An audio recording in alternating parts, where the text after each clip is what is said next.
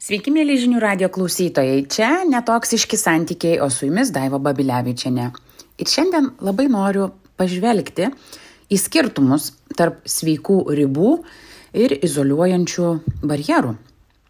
Kad galėtumėm suprasti, koks yra e, skirtumas ir kokia tai yra įtaka santykiams mums, e, netgi mūsų emociniai sveikatai. Iš esmės apie asmenės ribas tikrai daug kalbu Ir turbūt ne vienas iš jūsų žinot, kad tai yra tikrai labai svarbu. E, ribas žinoti tarp savęs, e, tarp kitų, ką, ką toleruoju, ko ne, yra na, tikrai saugių santykių, e, gal ne paslaptis, bet pamato dalis tai tikrai. bet labai labai svarbu būtų ir atpažinti, kada tos ribos tampa tiesiog izoliuojančiais barjerais. Ir kada mums tai trukdo tiek aukti, tiek e, tobulėti, tiek kurti santykius.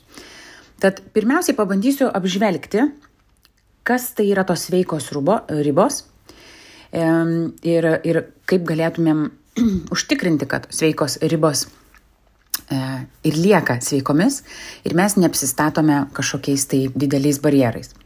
Tai aišku, pirmiausiai ribos prasideda nuo savigarbos ir santykių E, mylėjimo, e, vertinimo. Ne, tai iš esmės yra kaip e, tvora, kuris saugo, saugo mūsų sodą. E, tos asmeninės ribos duoda mums kažkokią struktūrą, e, apsaugą, e, tuo pačiu leidžiant aukti santykiams, mums tobulėti, e, ryšiui stiprinti. Ir kai galvojam apie ribas, tai e, asmeninės ribos yra labai daug apie savistabą. E, kai mes suprantame savo poreikius, vertybės, asmeninės kažkokias savybės, kurias mes norime išsaugoti. Taip pat asmeninės ribos yra apie pagarbą savo ir aišku kitiems. E, tai nėra apie kažkieno kito menkinimą, vardant savo poreikių patenkinimą. Man taip pat asmeninės ribos yra labai susijęs su efektyvia komunikacija, nes norint efektyviai užsibriežti kažkokią ribą mes turime mokytis ir komunikuoti tiek apie savo poreikius, troškimus ir limitus, tiek ir pagarbiai tai daryti. Dažnai ribos yra lankščios, ne, vienose situacijose galbūt mes galime rasti kompromisą, kitose norime labai griežtai nusibriežti kažkokią ribą. E, ir, ir, ir viskas yra gerai su tuo. Svarbiausia, kad mes žinom, kad tai yra mūsų riba ir mes sąmoningai e, ją lankstome. Na ir taip pat iš principo asmeninės ribos, sveikos asmeninės ribos, jos kūrė erdvę, terpę sveikesniem, saugesniem, visavertiškiam santykiam.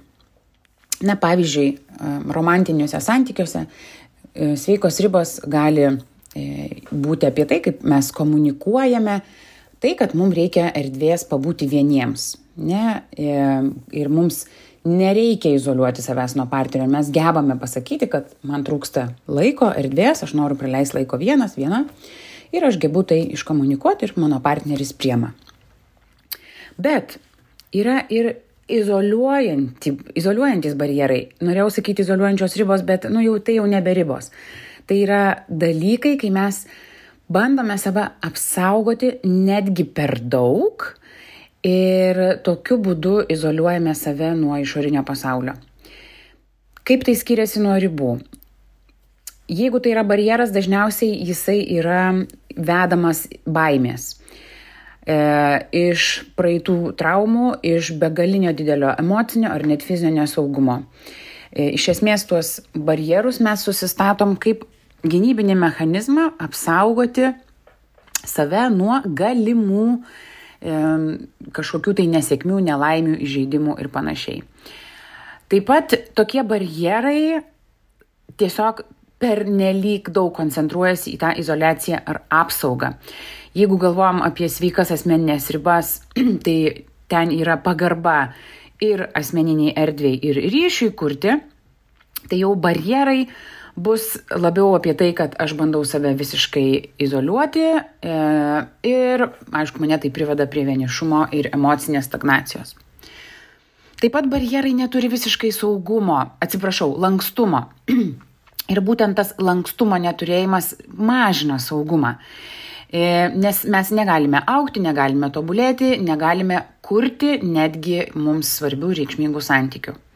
Ir aišku, kai ilgai labai naudojame tokius izoliuojančius barjerus nuo santykių, nuo pasaulio, esame nelankstus, tai labai dažnai e, iš to kyla nerimas, depresijos, e, kitokios emocinės ir psichologinės problemos.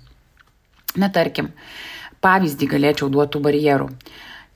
Kažkas turėjo labai sudėtingus santykius e, arba be galo didelį pažeminimą, todėl jų izoliuojantis barjeras yra dabar, kad jie vengia, visiškai vengia naujų pažinčių, nors tie žmonės, kurie siekia tos pažinties arba tos draugystės, iš tikrųjų neturi jokio ketinimo įskaudinti ir žaisti ir nori, e, nori draugauti, nori susipažinti.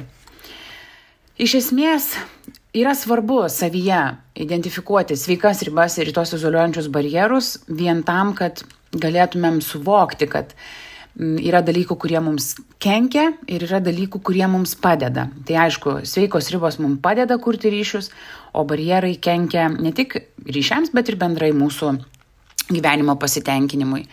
Tad pabandykite pasianalizuoti ir savyje. Ar turite tų ribų sveikų, kurios jums padeda, ar visgi gyvenime galbūt jau per daug turite barjerų, kurie jums trukdo visavertiškai kurti santykius. Čia buvo Daiva Babilevičiane ir netoksiški santykiai.